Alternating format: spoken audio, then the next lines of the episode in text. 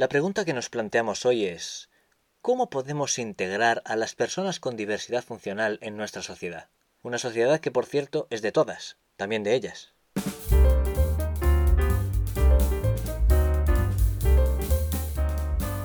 Soy Soto, Nicolás Soto, y esto es En la diversidad está el gusto, un podcast de Arquitectura sin Fronteras Cataluña.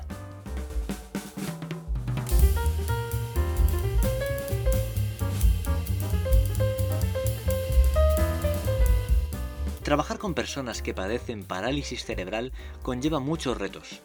Lo saben bien las y los monitores de la Fundación Aspace Cataluña, una entidad que también funciona a nivel nacional y que atiende a personas con este tipo de discapacidad.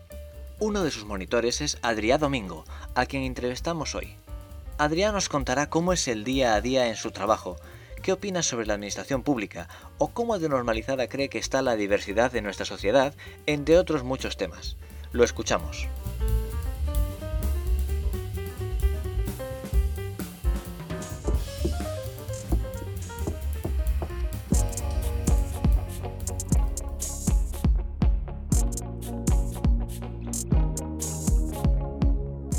Me llamo Adrián Domingo, soy monitor ocupacional de formación, integración, integrador social y trabajo en, la Fundación Aspace Cataluña que atiende a personas con parálisis cerebral. Bueno, yo entiendo la rehabilitación inclusiva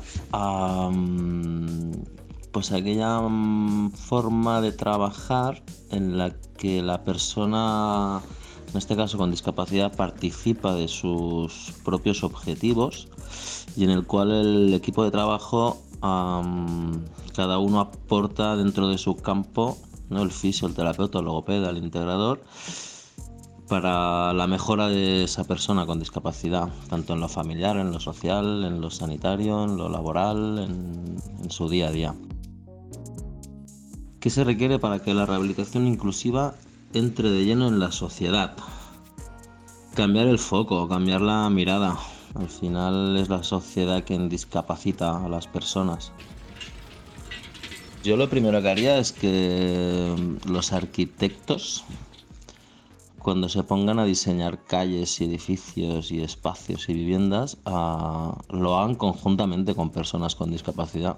Porque al fin y al cabo lo van a usar ellos, no los arquitectos. Y He visto, lo visto en mucha, muchas cosas muy mal hechas en la calle o en edificios públicos. ¿Qué características deben tener los centros docentes inclusivos? Pues más recursos. Al final es un tema de recursos. La administración pública no, no invierte y si no invierte ah, es inviable. Personas con algún tipo de discapacidad requieren más, más ayuda en una aula inclusiva, en un, en un centro docente inclusivo. al final la figura del batllado con tres horas, con tres chicos, eh, no, no da. Es un tema de recursos. Más personal, docente haría falta. ¿Cómo sería un aula inclusiva? Pues debería ser normal, lo que se entiende por normal. Que no fuera inclusiva sería. al final se llama discapacidad porque no es como los normales, entre comillas, que es lo normal. Para mí no debería haber distinción, son personas ah, que quieren estudiar. Cuéntanos un día cualquiera en tu jornada laboral. Pues bueno, hay una primera parte en la asistencial donde ayudo a, a los chicos y chicas a quitar la chaqueta, guardar el bolso y si quieren beber agua o desayunar. Luego hay dos horas y media de taller ocupacional, serigrafía, vídeo. Esa es mi parte dentro del taller. Ah, luego hay la parte de la comida, donde ayudamos a, a la comida. Hay chicos autónomos que comen solos y personas que no, hay que ayudarlas. Y por la tarde pues una hora de actividad y luego ya poner chaquetas y transporte. Y ya se van.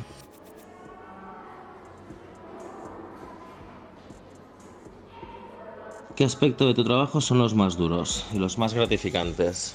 Bueno, los gratificantes al final es ver la persona y siempre ahí nos marcamos un objetivo global que es si ha estado feliz ese año y que el día a día esté contento. Al final es darle esas cosas que en su casa no pueden darle y que intentamos dárselas nosotros.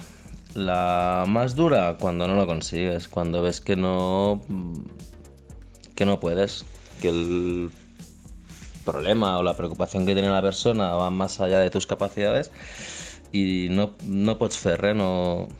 y eso es frustrante, ¿no? Que tienes el obstáculo de la familia, de la fundación, de... Al final la rama es muy larga también y hay cosas que no puedes solucionar. ¿Crees que las personas con parálisis cerebral deben tener una vida afectiva, sexual y familiar como el resto de las personas? ¿Te parece el resto de los mortales?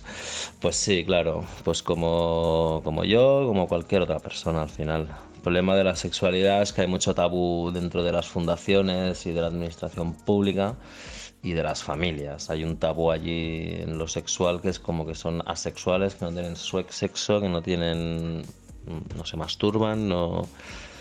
Y hay mucho tabú allí. Nosotros en, nuestro trabajo hay, encontramos muchas barreras, tanto de la parte directiva, de la fundación, de, del presidente, de las familias. Es muy complicado el tema este de la sexualidad y la parte afectiva.